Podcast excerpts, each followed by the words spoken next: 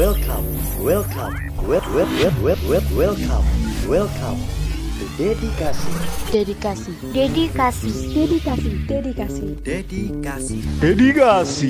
Dedikasi. Dedikasi. Dedikasi. Dedikasi. Dedikasi. Dedikasi. Dedikasi. Dedikasi. To Dedikasi. Dengarkan divisi edukasi. Selamat datang para investor muda.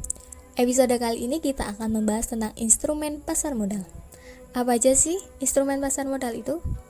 Yuk, langsung dengerin aja episode kali ini. Kita kita akan bahas tentang instrumen pasar modal. Jadi instrumen pasar modal itu umumnya ada empat, yaitu ada saham, obligasi, reksadana, sama ETF. Langsung aja kita bahas yang pertama yaitu saham. Kalau kita dengar kata saham atau biasa kita sebut kata saham, itu banyak masyarakat yang masih beranggapan bahwa itu tuh produk asing, nggak ada wujudnya, masih tabu, resikonya tinggi, semacam judi, dan ini masalah yang agak susah, haram. Kalau udah bicara masalah ini agak susah dijelasin. Karena kalau dalam bahasa Jawanya itu kalau pokoknya ya pokoknya mau dijelasin gimana pun ya pokoknya gitu kan. Dari tadi udah bahas sedikit saham apa sih saham itu sebenarnya? Saham itu adalah salah satu produk yang diperjual belikan di pasar modal negara mana pun termasuk pasar modalnya Indonesia. Industrinya itu namanya pasar modal dan pasarnya atau mallnya itu berpusat di Jakarta yang namanya Bursa Efek Indonesia. Saham itu adalah bukti kepemilikan terhadap suatu perusahaan yang berbentuk perseroan terbatas atau dengan kata lainnya itu bahwa saham adalah surat milik. Artinya apa? Artinya ketika kita membeli saham suatu perusahaan, berarti kayak kita itu membeli perusahaan termasuk hak sama kewajiban yang melekat di dalamnya gitu. Instrumen yang kedua itu ada obligasi. Apa sih obligasi itu? Kal sangat sederhananya atau bisa dibilangnya obligasi itu adalah surat hutang. Loh, surat hutangnya siapa gitu kan? Lah, itu adalah surat utang suatu perusahaan atau pemerintah atau negara.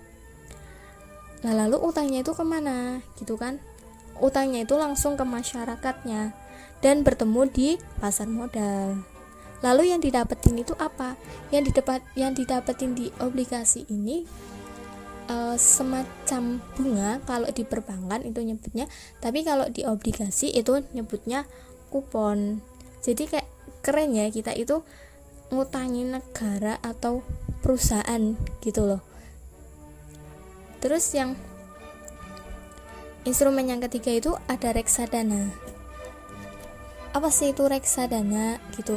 Sebenarnya reksadana itu adalah pengembangan dari dua produk tadi saham-saham obligasi. Nah apa sih itu reksadana? Reksadana itu adalah pembelian produk-produk keuangan secara tidak langsung melalui jasa manajer investasi.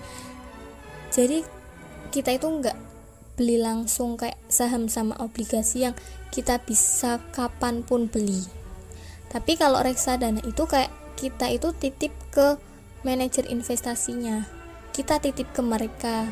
Kemudian sama manajer investasinya itu diberikan produk-produk keuangan yang menurut mereka itu tepat guna. Kapan dan apa beli dan jualnya itu tergantung mereka dan tergantung jenis reksadana yang kita beli juga. Jadi bisa dibilang bahwa yang mengelola itu adalah bukan kitanya tapi manajer investasinya Nah, instrumen yang keempat itu ada ETF. ETF itu atau reksadana indeks itu merupakan jenis reksadana yang paling inovatif saat ini. Maksudnya kenapa? Maksudnya gimana? Maaf. Itu uh, jual belinya itu tanpa harus datang ke manajemennya atau agen penjualannya. Tapi kita bisa langsung beli melalui aplikasi online trading. Jadi perusahaan sekuritasnya itu layaknya saham dengan hanya mengetikkan kode. Jadi untuk jual belinya itu yang mengelola kita sendiri beda sama yang reksadana tadi yang reksadana yang mengatur manajer investasinya kalau di ETF itu kita yang mengelola itu sekian dan terima kasih Terima kasih sudah mendengarkan podcast Cuan.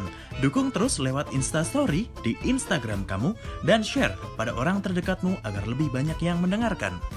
Let's learn about the capital market on the Chuan podcast available on Spotify.